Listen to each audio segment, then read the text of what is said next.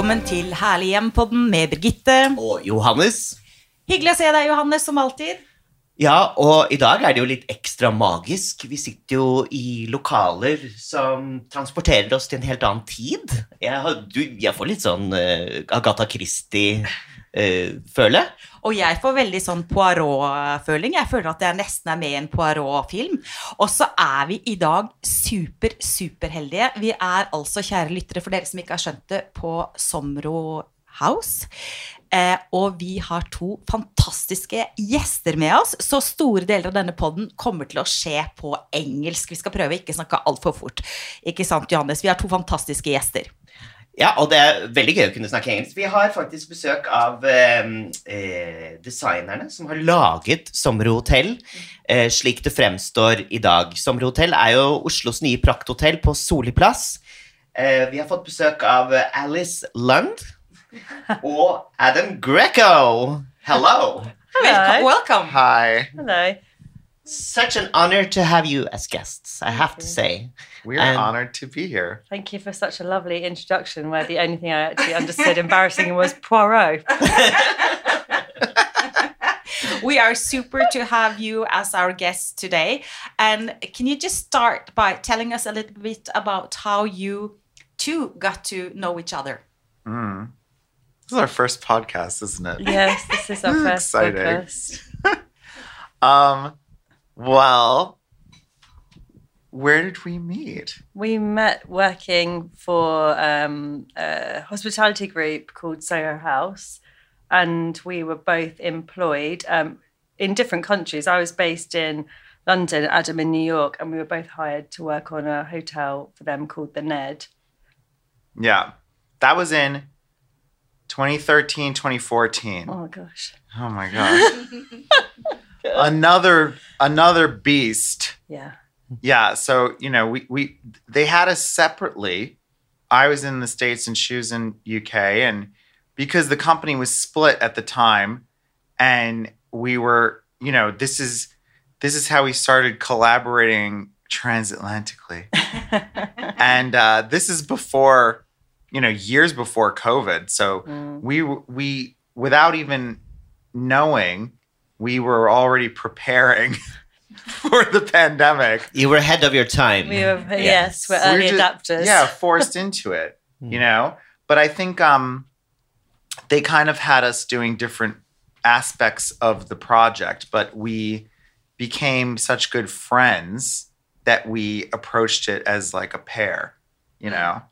Um, rather than just like dividing it up. So that was 2013, 14, 15, 16, 17, the hotel opened. And, um, you know, it was a great success. It won many awards. And um, it's well known and loved to, to this day. And then the year after. Can you talk a little bit about the style of that hotel? The style. Okay. Because well, this was sort of your that was your first project together, right? Yeah. yeah, uh, yeah. Which uh, you know uh, led into you being the award-winning design duo GrecoDeco. Yeah. Yeah.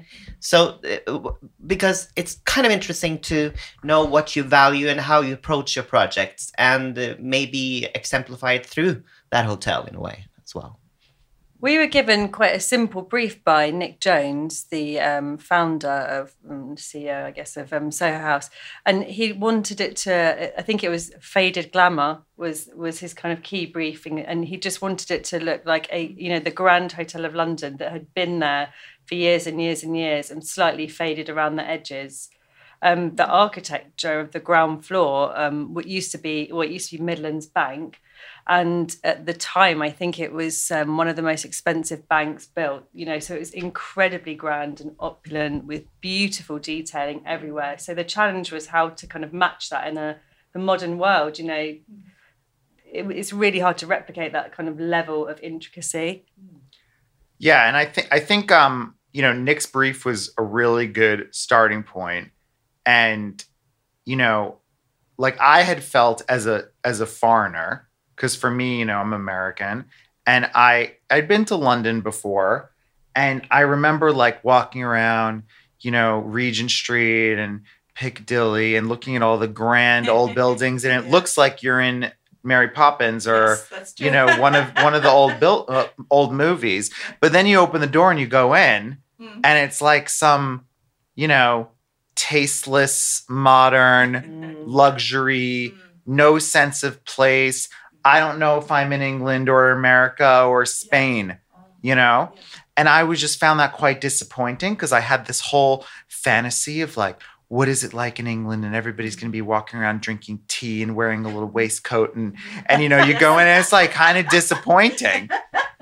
So maybe I had this like silly idea, but I, you know, when he said that and we looked at the bank, the bank this the the intact spaces were perfect like you know you didn't really want to change a thing.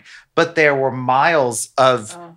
raw empty space because just like Sommero it was a commercial headquarters right? So there were the grand public rooms that were preserved and those were protected by the government.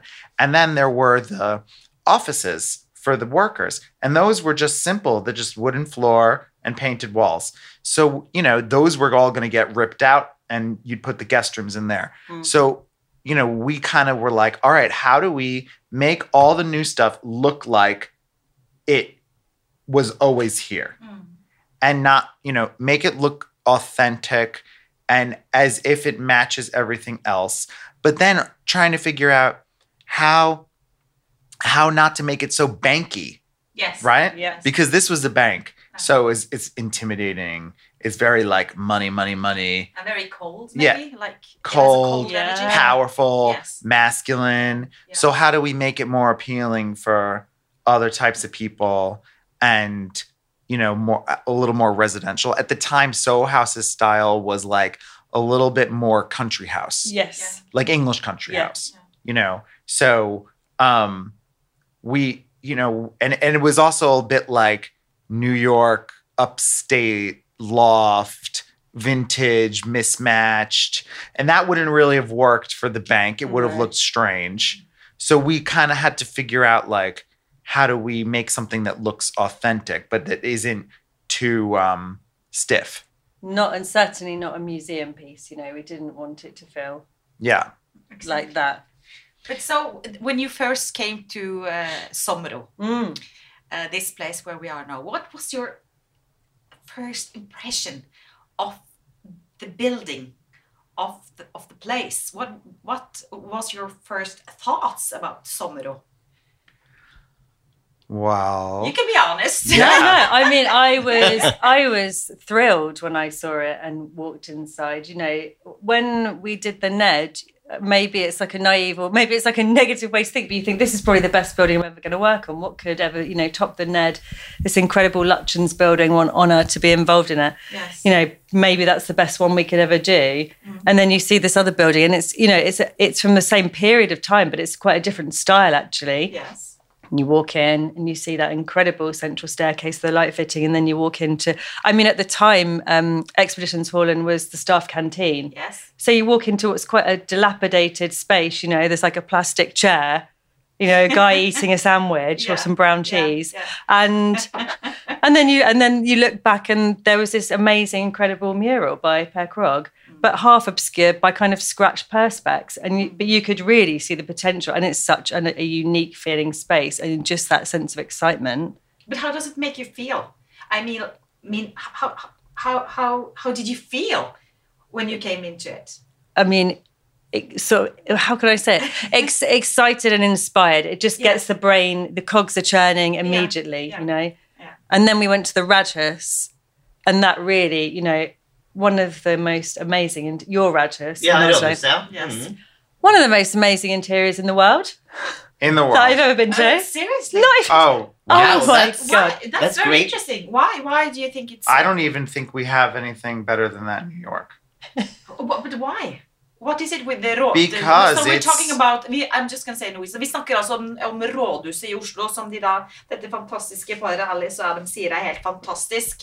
Eh, og da ble vi litt overrasket. So, so what is it about eh, rådhuset?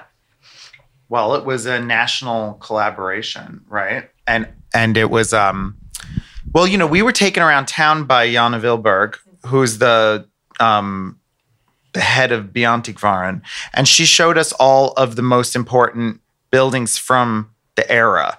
So it wasn't just like most important buildings in Oslo. It was like the functionalist period. But then obvi- the Radhus kind of spanned the functionalist era. It wasn't completed until the 1950s, I think, right? So, um, you know, she, you know, and Per Krohg did a, a bunch of things there. And, you know, so there's some crossover with uh, Oslo Lysverker. But then, you know, the way she explained it to us is that it was like Norway's greatest artists and designers were all put together to create a new expression of national identity. And I think that it kind of goes back to what, you know, we were saying about um like when I was in England and I didn't see anything English in the interiors, the newer stuff. And then here they were in like the 50s and you know it's very different. Like Norway was a uh maybe in the 20th century like it was a new independent country like you know in after denmark was ousted or whatever in the early 20th century. So this was like how can we show the world like what norway is? And then because this is something we w- would like to have done with this building because you know again like a lot of the hotels around here it's like you know you see trends and modern and some pieces of furniture you know uh, definitely norwegian furniture but maybe not like a whole kind of statement and this was it you know and uh it wasn't it was so playful it was so exuberant so many stories like folklore but modern but comments on so social political Yes. Yeah. ideas that they had at the time incredible colors, incredible patterns, you know, a multitude of craft. You know, there were the frescoes, there's the carvings, there's the sort of pattern stone floors, hmm. there's the kind of weaving, this sort of tapestry on the like the seats in the sort of main hall. It's just, it was actually overwhelming. It was just, su- and it's such a surprise actually because the outside is also incredible, but really quite austere and different. And then you walk inside and it's just like, wow. yeah yeah. But like you say, it's, so it was a nice foundation and a nice inspiration for you to start your work. Yeah. Uh, but you have talked about um, being concerned with not uh, like recreating uh, the historic era in a like completely accurate, almost museum-like way. Yeah. You know, you want to be inspired by the era. Yes. Uh, in what way do you do that? Well, I think you just have to you have to have a sort of a ground, a foundation of research. So we did a huge amount of research. You know, obviously the Radhus. Then we were sort of delving into Gerhard Munth, and you just we travelled around Oslo for a while. We went to, okay, where did we go to? You're going to have to remind me now. Bergen, bergen Ålesund Sikornes. Sikernes, uh, Where was Sauda? Sauda. Oh, ah, you went to Sauna. Well, you because really went Well, that all the way. yeah. That That's was a bit of a pilgrimage, actually. that's because there's there's a power station there that was designed by the same architects that designed this building. So, and it's like a little oh my god, it's so cute. You're if you you guys should Google it, Sauda 3. It is it looks like a little toy boat. Have you been there, Johannes? No, but I have friends from Sauda. Um, it's like a small place. Yeah, it's a it's like a village. there either.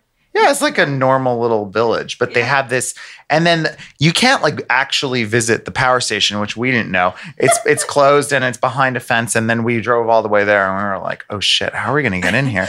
and luckily, you know, the town's so small, and we are like looking around, and somebody just came up to us and was like, "What are you doing here?"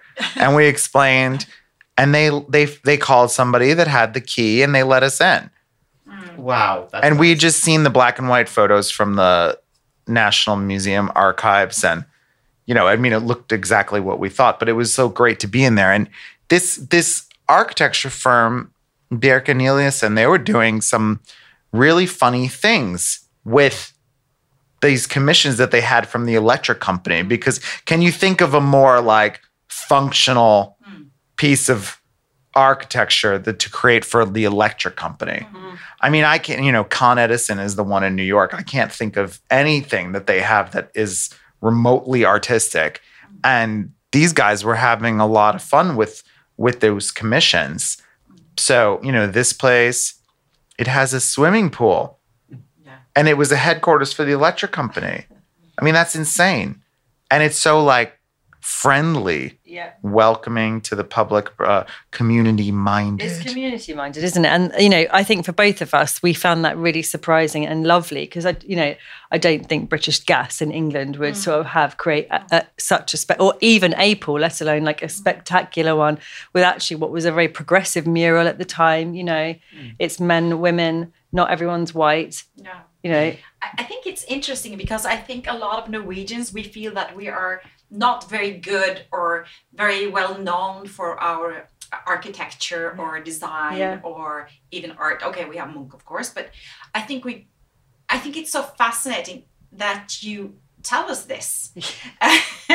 but because when you travel to Bergen and Ålesund and all the other places, tell us what did you find and what did you discover about what we actually have in Norway? Um, well, I, I think, you know, it it really started with the Radhus, but then going around, I mean, trying noticing like different forms, what made the buildings here uh unique and the the kind of character of everything and the shapes. We noticed a strength and a groundedness and not not like a con not super conservative either.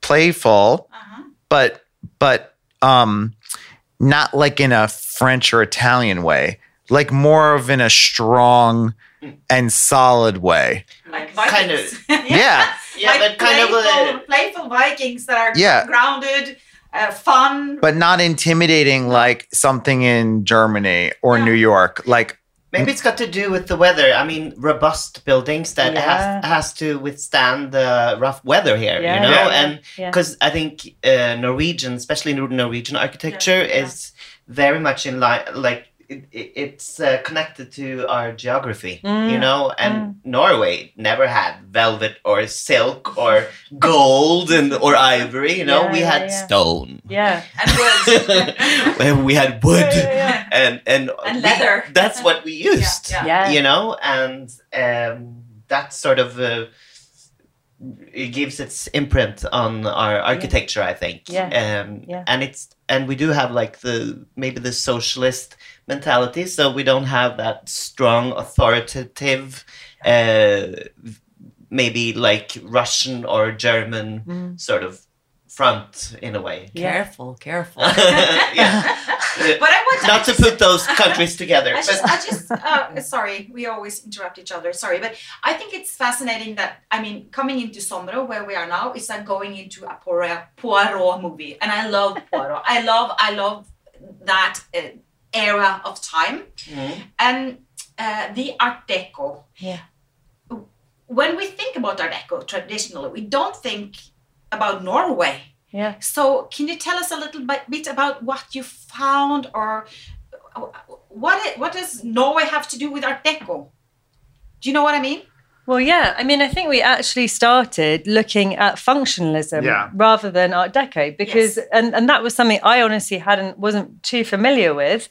It's a very similar time period, but it is slightly different. Mm-hmm. And actually, in terms of interiors, it's more of a pared back interior.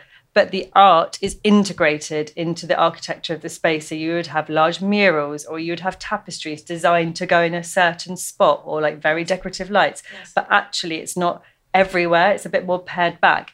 So we that was really interesting. And you know, we hadn't experienced that before. I don't think there's any functionalism in England that I could think of. Hmm. And it's its own special thing. That said, for a hotel, it is kind of pared back and you don't want it to feel like a purist functionalist space. So that's why we added in that kind of layer of Art Deco Yes. to soften it. Yeah. Oh, that's interesting. So you, yeah, Yeah. so you balanced it in a way. Yeah, a little bit of balance. Uh, can you give us some, uh, uh, just for our listeners, can you give us some uh, um, uh, descriptions of um, some styles, some rooms here that uh, some choices you made um, that will create some nice you know, uh, Visual pictures. visual pictures in their head. Well, something that we spotted at the Radhus that we really liked was inlay, so checkered inlay. And that would be the wood and the black, and it's a kind of diagonal herringbone. And so that's something we've used in the guest rooms, in the doors, and also in the lift cars. We thought that was a very fun and unique thing. You can also see it on these doors. Actually, this is, um, in, and so that's another sort of diamond inlay on the door, and that's actually taken from the main director's office. What is that technique called? It's it's not Marquetry. Yeah, yeah, right. That's and the- it's so simple because it's diamonds and the each every other diamond has the timber oriented a different way and it creates that lovely beautiful pattern It's beautiful. Do you guys have a favorite room or suite here at Sommero? About you, Adam? Do you have like one room? Ok, folkens, nå skal vi høre hva Adam Greco sier her om hva som er liksom det beste rommet å bo på, eller den beste suiten hvis man skal unne seg en dag eller weekend her på Sommero. So, do you have a favorite room? Well, I think Ekspedisjonshallen is the, The best Expedition, room in the house. But you can't sleep there though. You can't sleep there. Or you can Oh, have so many drinks Not you actually you can have so many drinks there that you actually fall asleep. yeah, maybe you'll fall asleep. It, it- some of the seats are comfortable enough to fall asleep. Yeah. The wingback chairs, no one would notice if you fell asleep, actually. yeah. So, what, what, why is that your favorite room uh, or space? And what were the challenges of creating that space? I mean, you are, you were talking about Byantikvaren uh, as well. Um, can you talk a little bit about that process of creating that room? Oh, well, what can I say about the Antique Barn? I mean, the room was basically a horrible cafeteria when we found it for Nov. And it was like overlit. Um, it was all flat, one, shiny, shiny vinyl floor. Um, and we you know, Varan wanted us to keep the painting, of course, which why would anybody get rid of that? Um, restore some of the light fixtures, which they had questionable ideas about that. Um, and uh, they wanted us to replicate the old floor pattern, which was great, which we did. And something that they allowed us to do, which was very interesting, and that maybe people won't necessarily notice, is that in the old days, the perimeter of the room was one step higher than the center. So when you walked in, the center was at zero, say, and then there were counters in a U shape around the center, and all the uh, workers would be up at those counters and they'd be above you and you'd pay your your electric bill to them and hand them your kroners above. So uh, when we found the building, they had create made the floor all one level. So the center was hollow. So what we decided to do was kind of flip it and put the bar in the center. So only the bartenders are at zero. And then we made the bar short. So the bar is at dining table height. So everything in the whole room is at dining table height. So all the guests sit at the same height. And then you're at eye level with the bartenders. So no longer is the staff like higher than the guest. And and then consequently no guest is higher than one or the other. So you have a full view of the painting you could see over everyone's heads and then there you know there's a stage. So there's a little platform that's also the same height. So then everybody gets a good view of the music. And I just think it's the probably the most successful part of the entire design of the whole building because it's just like when you sit there and you spin around on the bar stool and you have your martini and your oh my god they have potato chips with caviar They do potato crisps chips with, crisps with caviar. Yeah. Okay, we have to try some later, Johannes. we definitely do. But And I, you- I, I love that idea uh, for the expedition salon. yeah where people can see each other eye to eye. It mm. doesn't matter who you are, mm. if you're a bartender or if you're a celebrity. You know, I, I really like that that that feeling it gives you as a guest. Uh, uh, and we've been fortunate. Yeah, and you're used to just seeing other celebrities, you know. So finally, you get to talk to the little Shut people. I'm just kidding. Um, but uh, uh, uh, there's also like a, a like a flair or an air of um, like a cinematic air or flair over, over over everything. And I read your bios, and you have a you've been in film and TV production yourself. Adam? Yes. and you've been working in um, set design. Yes, a long time ago. Yeah. Well, does, has this sort of um, infused your work together in some way, uh, like unconsciously, maybe? Definitely. Mhm. I mean, what's more inspiring than a film? Mm. It's not real. Mm. And all you know, when you're in a hotel, you're not. It's not real. Mm. It's all a fantasy. You're coming here. Some people are coming here to do things that they wouldn't do at home. So Ooh. Ooh. I did see a lot of uh, of dates last time I Oh, was it's, Yeah. a, it's a great date spot, isn't it? But you want to be transported, and it's a sense of escapism, isn't Yes, it? And once yes. you're in Ekspedisjonshallen, the day Yes. can just fly by, can't it? so true. And you're somewhere else. yeah. And that's what we would try and create, and that's what we tried to create at the Ned as well. And I think we hopefully succeeded there. I think. I think it's just a more fun way to do it. I mean, I think most people are doing this when they try to do hotels, right? But, you know, leaning into that versus hyper luxury or Yeah. exclusivity, I think is more exciting. Mm. And, you know, coming from New York and London, you know, where there's a lot of exclusivity, I don't think there's, I think it's still, you still have that in Oslo, but I think it's a little less appealing in your country than maybe in ours. So, you know, we wanted to create a space that was grand, that was transformative, that was, you know, fancy, that you wanted to dress up, but we didn't want to make it intimidating at all. Exactly. Yeah. And, you know, that we were told by the people that we were working for that a lot of Norwegians might not be comfortable walking into a hotel. They might not think that they can Yes. just walk in without a Yes. reservation or if they're not renting a room.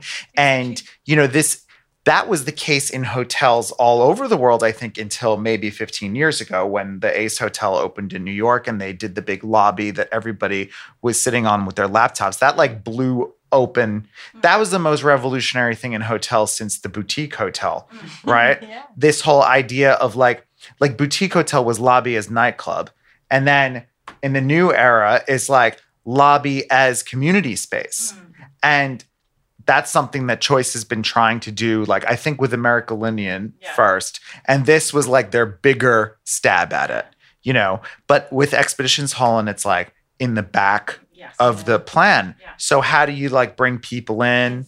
And you know, they were really worried about that. So we, you know, we never even though we used the art deco to like glam it up a little bit, we tried to also keep it quite like friendly and easy and to understand Yeah. and not so uh intimidating. It's, Yeah. it's a, it's a place for everyone. Yeah. Yeah, and that's I think that's a beautiful uh, vision to have. That you know nobody should feel that I can't go there because I'm not dressed up enough or Mm. I'm not fancy enough. Everybody can enjoy it, and it's like a place of um, what do you call it? Uh, Grandeur, but no, it's a place where you can uh, oppleve. experience. Yeah, well, it's yeah, it's a place for experience. Mm. Yeah. Yeah. And uh, is that wh- to make it like accessible for everyone, and you don't have to book a room to uh, go into the uh, bar? Right. and is that why you didn't? Because I noticed when you enter Sommero hotel, uh, you don't enter in a reception area. Is that why you put it aside and had a like a Well, big- I think that was also practicality because you have to keep the entrance and then the the circular stair that had to stay the way that it was. So, and because of the size of the hotel, the reception could not fit in the entrance. We needed a bigger desk and place for people to wait with their luggage and this and that. So, for practical reasons, we had to put it to the east, you know, just one section. But you're absolutely right. That was that that was like more of a selling point. Like, let's get it out of the way and make this place more of a community lobby, not so hotel-y feeling where the first thing you see is someone behind a desk. That gives a certain impression, like somebody standing there, like as a gatekeeper. Yeah, and that know? could be intimidating. You Yeah. know, how uh, an intimidating factor. But and also, um, I have noticed walking around and in these big rooms mm-hmm. that the acoustics are really nice. Yes. How did you manage to to do that? We can't take credit for that. We really can't. I mean, there are mm. actually quite strict rules in Norway um, within commercial, you know, that you have to adhere to. So yeah, we really can't take credit for it. You know, the ceilings are, you know, acoustic almost everywhere, mm. and in lots of other spaces, the vertical surfaces, you know, up in the rooftop are as well. So there's stringent regulations, and Yep. they really do pay off. Yeah, but it does it, choice of furniture, uh, the t- uh, like textiles. they don't actually count all of that. So, you know, what's interesting, you you in your country, you have rules about interiors that are for the quality of life of the staff. Yeah. It's not necessarily for the benefit of the guest. So, um we need to like there's a lot of things that, you know, we wanted to do that we weren't allowed to do because of this. Like we we prefer here's a good example all of the get uh, staff like um, computer screens for uh, point of sale and this and that. We like to hide them in the counter and have it low. So that way you don't see any electronics and you just see beautiful uh, woodwork. But norwegian law says that it has to be up high because otherwise the staff is looking down and it's bad for their necks. And we were just like huh that that sure is right isn't it? And it's kind of like humbling. We're like wow like we really yeah. We're like we really didn't think about these kind of things. Like in england in our project all the staff's in the basement in tiny little offices and we just were like yeah of course but here no they have to have a window That's good. there's even windows in the commercial kitchen and that's you know in america and in england that's valuable real estate that would never be given up to the quality of life of a worker so it was quite Yeah. it was uh it's nice Yeah, it is. i mean you guys have it good here i think Yeah, It's nice. We do. We, we, yeah, Uh, and it's also very nice. Sorry, Jonas. It's also very nice to be in these rooms and the environments here. And I love the velvet, the gold, the marble, the beautiful, beautiful wallpapers. All the uh, tufser og tafser, hva heter det? The pompons, what's it called? What do you say in English? Oh, the, tassels. the Ta- tassels and the Yeah, all the- trimmings. The, trimmings. It's just beautiful. And I'm just wondering how how did you get it all? I'm in and from where? Because Oh, it's wow. not like this sofa in this room is just amazing. Uh, it's so beautiful. well it's with- years and years of looking for stuff like that and we Do you have like an archive that you go to, or like based on your style and how you. well we have a we have a small office in new york that has all of our samples and we've just been collecting things for like 15 years Ah. and then if if somebody's not making it anymore you you you know we find somebody else. But what we like to do is work with producers that have been around for a very long time and try to make things in Europe or the US um you know we have uh god everything was made all over the place. I mean we went to we did one trip for Sommero where we went to like three different textile mills in Europe that were family owned and that were around during the time that Sommero was built and one of them in Italy Italy. they course. actually were they have sold uh, textiles to the royal family in Norway in the palace and they showed us like oh yeah we sent this to the king and the queen like in the 1960s they have it on a curtain in this room or that room and you know i mean the prices are still good it's you know we're paying for the quality really um the wallpaper in here this is made in norway from molo um and it's a functionalist design and we just did different colors um Nå beskriver han altså tapeten på det rommet vi er eh, i, kjære lyttere, og vi snakker også om tekstilene på sofaen. Og, eh, we're gonna post some pictures um, Yeah. linked to this uh, podcast so you guys can see the what we're talking about. Yeah. definitely. And uh, but there are some uh, some pieces here that are like, well, they are art. the big lamp in the center of the building. Uh, can you just tell me a little bit about it? Well, the the giant lamp in the center of the staircase is actually original, and it has a kind of light piece at the top as well. So that was a restoration project. And there are also some really interesting existing lights in the lobby as you work, walk in. They're kind of tracks on the ceiling, like light boxes, and they have an integrated clock in it. So there was actually some really amazing light fittings. And also in the director's office, this was something that we've never seen before. You have these crystal balls. So it's like a ceramic giant disc with a giant crystal ball underneath it. How amazing. Yeah, just to scatter the light around. And one day, the big chandelier will actually arrive. Yes. We, you know, of course, there were a lot of problems because of COVID. You know, it was probably the worst time to do something like this. yes. really. So things are still, you know, being installed and like being delayed and this and that. But there will be soon uh, a six meter custom designed chandelier Jesus. that we designed based on different aspects of fixtures we saw in the building and outside and archives and this and that. And it will be in talk going down through the staircase. And that's coming any day. Oh wow!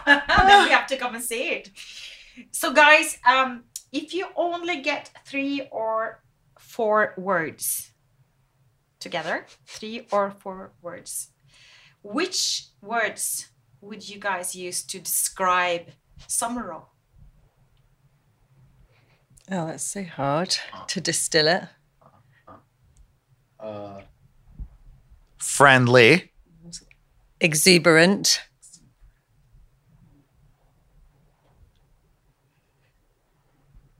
detailed. Oh. now this feels like I have to. Yeah. How about that? No, that's then. No, that's enough. I think. That's, not my- That's great words. yeah, uh, and um, Can I just I have said- one more? yeah, Sorry. yeah. Can I just have one more? I mean, Sommero, it means in Norway, you know, uh, Sommero, of course, it's in Sommerrogata, Yeah. number one. But it's also, you know, it says something about the place and which value it has to people. How would you translate Sommero into English?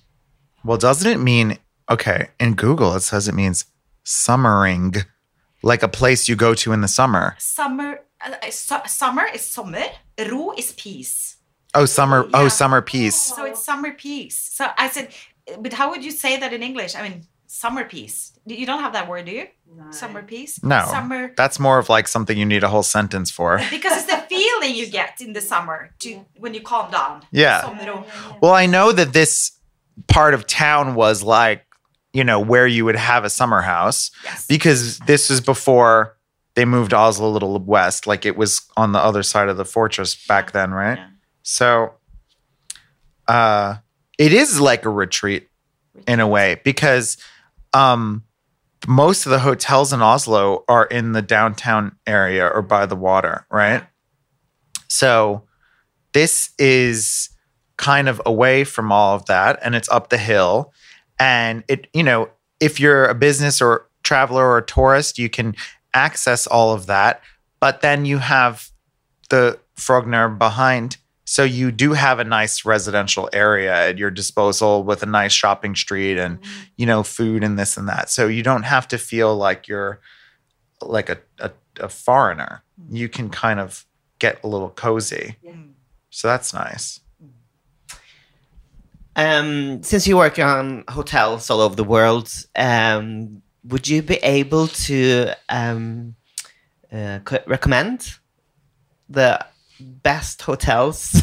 Other hotels? for our uh, for our listeners, hotels that you've been working on.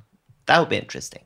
oh well What like Well- where would you suggest people go um, f- without being you know uh, broke? Haha. I mean, anything that we're, you know, anything, the stuff that we're doing now, we can't really talk about it yet. But um, my favorite hotel in America is the Sunset Tower in Los Angeles. And it's like, I mean, it's super Art Deco, but it's like simple and it is exclusive, but it's not like rude. You know, you just always you feel like they make you feel like you're an important guest. As important, I mean, when you're there, I love you, that. It's not rude. yeah. like you feel they treat you the same as Jennifer Aniston, who's there like all the time. I've seen her in the bar, and you know you, they're they're not gonna treat her better than you. Like you, they Right. treat everyone like they're a celebrity, no matter where you're coming from, or you know. And it's just such a nice place to stay, and it's on Sunset Boulevard, and it's got amazing views, and I love that place. Sunset LA, we have to go. Sunset Hotel. Sunset Tower, yeah, Sunset Tower. Sunset Sunset Tower. yeah. How about you, Alice? What's Oh. your Favorite hotel? Well, I think if I think about hotel memories, obviously we've stayed both stayed in quite a few now, and you know, after a time, it does become a little bit more like work for us because you start critiquing or you're researching. You know, you can't really help it. So it's not. It's always really interesting, but not maybe in late, in more recent years as relaxing because you're like, oh, oh, that's an interesting minibar. Oh, does it have a soft closed drawer? Are the lighting controls nice and neat? So you end up just going through them, but it is very enjoyable. So I think because of that, one of my favorite hotels is a hotel that I went to, like, you know, when I was quite young, mm. maybe I think I was in my mid 20s and it was in India and it was a heritage hotel that used to be a palace and it was called Castle Bijapur. Uh, maybe two or three hours out drive from New Delhi. And that was the first kind of fancy, shall I say, place I stayed in. And it just rocked my world, really. You know, it was so beautiful. It was completely idyllic. And the staff was so kind and lovely. The food was amazing, the service amazing, wonderful bed linen. And it was a really pared back interior, actually. It felt very natural and not too try hard, but very authentic. what was the name again? Castle Bijapur. Yeah. Nice, good suggestions. What's what's the most annoying thing that you uh, keep uh, uh, experiencing when you're guests at the hotels around the world? Oh, I love these questions. um, okay. Get seriously. Light controls. Lighting controls in hmm. guest rooms. Oh gosh. If you're you know, if you can't turn the light off or you can't get it a bit dimmer, it's often so wrong. There's too many complicated like electronic things in hotels these days. And we're always fighting with clients because they always want to put them in. And we're just like, people don't want to learn how to use something for one night. you just want on and off, Yes. low and high. That's it. That's so true. that is so true. that um I do love in Scandinavia that you have free breakfast. That's great because yeah, in Sunset Tower you're spending like $45 for breakfast and you're already spending a couple hundred for the night, so that sucks. And free breakfast in America is like only at Yeah. like Best Western and Holiday Inn. So, you know, Donuts and a- yeah, it's just like coffee. not good. And I know that I know the hotel industry in Scandinavia probably wants to stop doing the free breakfast, but I love that the people will revolt. yes, the revolution. And Yeah, so you mentioned that a little bit like two minutes ago that, um, well, we have a new project, but we can't talk about it so much. But uh, what is your next project? Well, the ones we can, we can, you know, commercial projects. When you start out talking to people, it's all Yeah. very hush hush. So, Yeah. but um, we are working on an incredible house, which is a little. It it kind of feels like a little vacation after Sommero, but I mean, you know, it's still very high pressure because it's a short timeline. But we're working on a very special house in England, in Sussex, called Plumpton, and it's a little. It's a it's a manor house, and it's from the Elizabethan era. So the main part of the house is built in 1560 on the foundation of some house from the 12th century. And then it was added onto in the 1920s by Sir Edwin Lutyens, who was the person who designed the bank building for the Ned. That's how we got involved because the owner, you know, looked us up and blah blah blah. And it has a, it has a moat around it. And um, Jimmy Page owned it in the 1970s for about 10 years and he did some of the Led Zeppelin recordings there. I think Stairway to Heaven. wow, Yeah. So there and there was some freaky stuff going on. Um, he had some like warlocks or something yeah, coming. Or sort of rituals Ooh. and a bit of occult Ooh. behaviour. Yeah. But the So- house has a lovely energy now. They've cleansed the house. Cleanse the house. They had to have somebody come. It's a beautiful restoration. People are supposed to uh, like uh, think about hotels as a home away from home in a way. That seems to be a trend, even though you're supposed to feel like you're on holiday and can just disconnect from your normal life as well. I mean, uh, can you like? What are some, uh, you know, off the cuff tricks of creating that atmosphere? home away from home in a hotel room. I mean, often it's actually quite practical and not romantic stuff that would make you feel like it's a home away from home. It's good, warm lighting. It's like a nice temperature. It's a very soft bed. It's a desk and a chair that are the right height for each other. It's great, like water pressure and temperature of controls that are easy to use. I think it's ease, really. It's a huge part of it. And at the same time, a lot of our uh, listeners and a lot of people that we have visited uh, want to copy the hotel style, you know, for their homes, for their hotel rooms with the symmetry and the wall to wall carpeting and all that. Um, it's kind of an interesting sort of um connection there. Well, you know what I mean about that. I don't think your house or your home should look like a hotel. I think it should look like your home because when you're in a hotel, you're in a hotel. And you want that, di- for me at least, you want that different feeling. I don't want my bedroom to look like a, a hotel suite. No, I don't. I, I, I want to have the hotel suite when I'm at the hotel. Hmm. At my house and my home, it's different. But anyhow, we have to soon finish. These people are super busy people. what do you do when you don't work? Do you ever have time off or do you always work? You have time Oh, off? we do. do have a bit What do of you time do? off. This year's been quite tough. Yeah. We We're we're, we're due for a bit of time off, actually. That's, that's for sure. I mean, we both love the beach. Love beach, love spa. We both love water, so spas both really like Talking about spa, you're going to try test out the Vestkantbadet when it opens. Oh, Of absolutely. That's going to be Vestkantbadet, people.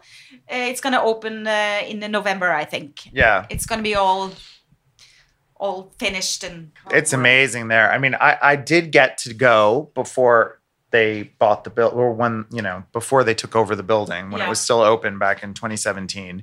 And I mean, it's an amazing swimming pool. It's a proper pool that you can actually do laps in, and hardly any hotels have pools that are that large. Hmm. They just build a pool to say that there's a pool. And that's such a great thing because in Norway we keep closing down uh, public pools. Yeah. oh, really? It's r- it's a real shame. Uh, so what I think about this project is that it's so great that you're using uh, you're preserving our architecture and history in a beautiful way and also including the people in that experience. yeah. So I want to thank you for that. oh, thank you. Thank you. And also, thank you so much for coming to our podcast today, Adam and Alice. Um, all the best for your future work. I mean, it's what you've done here is just amazing, and we're so happy that you uh, had the time to come and visit us today. Og tusen takk til deg også, Johannes. Alltid morsomt. da. I dag har vi gjort på litt sånn tospråklig variant.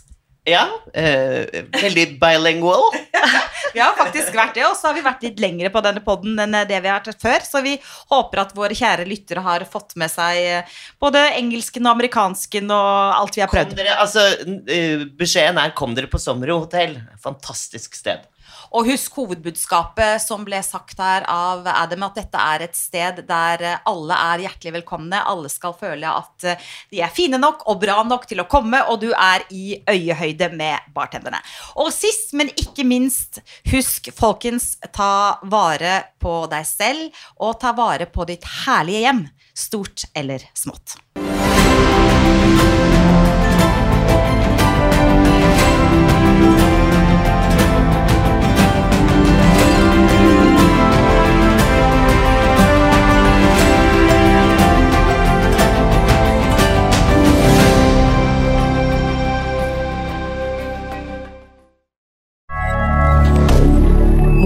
Media.